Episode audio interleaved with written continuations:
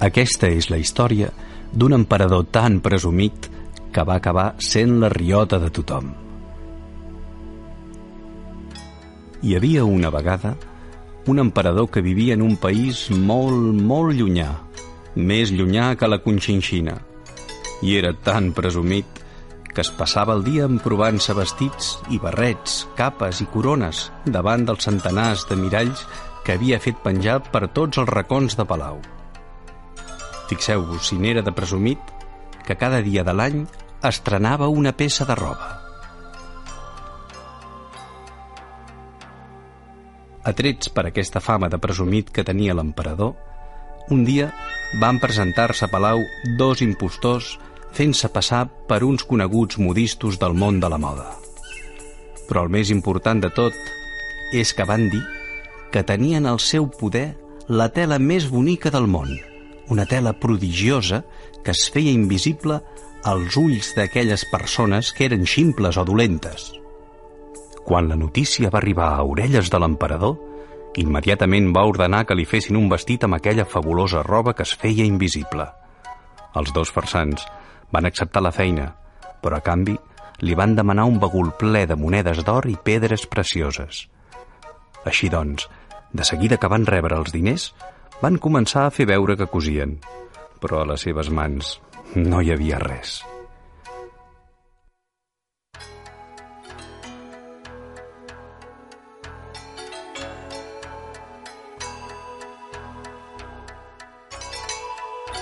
Al cap d'uns quants dies, l'emperador va cridar un dels seus ajudants de cambra i li va dir «Ves a veure com va tot, però torna de seguida a explicar-m'ho, que em moro de ganes de veure el meu vestit nou». L'home va anar al taller on treballaven els farsans i es va quedar glaçat quan els dos personatges van portar-lo davant d'un maniquí que estava completament nu, sense ni una trista peça de roba que el tapés. No us sembla magnífic? va preguntar un dels dos impostors. El pobre ajudant de cambra no hi veia cap vestit, però com que li feia por quedar com un ximplet o com una mala persona, va contestar. És preciós. Jo diria que és un vestit insuperable, extraordinari. I així mateix ho comunicaré a l'emperador. El servent va tornar corrents davant l'emperador per explicar-li les bones notícies. Majestat, va dir,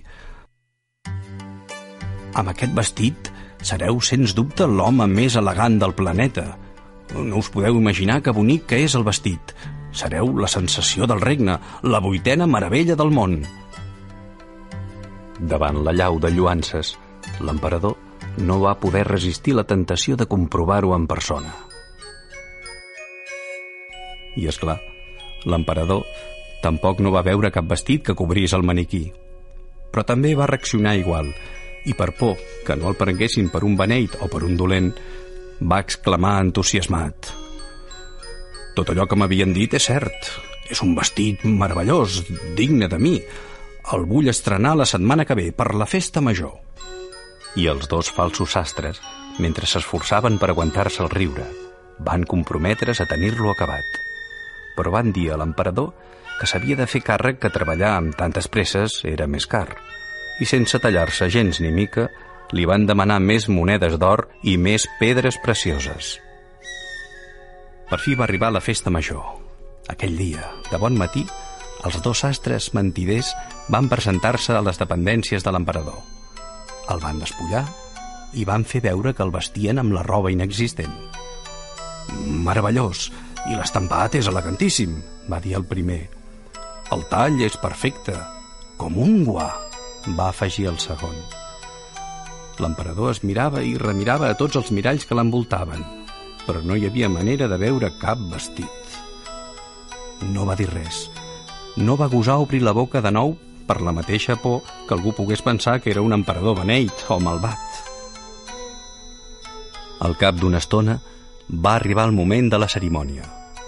L'emperador havia de saludar els homes i les dones més importants del país. Els patxes que l'acompanyaven van fer veure que agafaven la cua del vestit i així despullat com havia vingut al món, va presentar-se davant la multitud que s'amuntegava per veure el famós vestit de l'emperador. Magnífic, imponent, formidable, preciós, cridava la gent que el veien passar. Ell es pelava de fred, però ho dissimulava molt bé convençut que tothom, menys ell, era capaç de veure el vestit. La farsa va durar una bona estona. Ningú no s'atrevia a dir res per por de quedar com un ximple o com una mala persona. I així va ser fins que una nena petita va dir «Però si no hi porta res al damunt!» I un altre nen igual de petit va afegir «Però si va despullat!» I va ser llavors que tothom va atrevir-se a reconèixer la veritat. I l'emperador, vermell com un tomàquet, va donar-se que s'havia presentat davant els seus súbdits despullat com un nadó i que havia sigut víctima d'un engany. Com que havia fet tant el ridícul, va suspendre tots els actes de les festes. Quan va arribar a Palau, l'emperador, amb una bona calipàndria, va jurar que no es tornaria a deixar enganyar i que d'ara en endavant mai més no es refiaria de la gent que l'envoltava, d'aquells que només li deien allò que ell volia sentir. Els dos impostors que l'havien enredat van desaparèixer amb les monedes d'or i les pedres precioses i ningú no en va saber mai més res. I l'emperador va deixar de ser tan presumit i va saber agrair a aquella nena i a aquell nen la sinceritat que li havien demostrat.